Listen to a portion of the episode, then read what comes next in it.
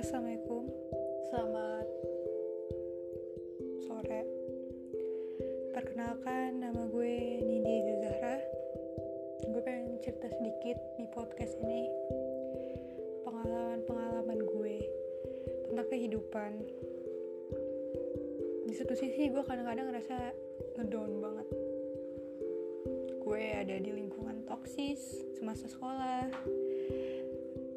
gue tuh juga gak bakal bisa berharap banyak di lingkungan gue di tempat gue yang sekarang. Yang harus gue lakuin hanya berubah berubah. Berubah karena apa? Karena manusia kah? Atau karena diri gue sendiri? Atau karena orang lain? Atau karena orang tua? Saat lo beranjak dewasa pasti lo mikir lo bakal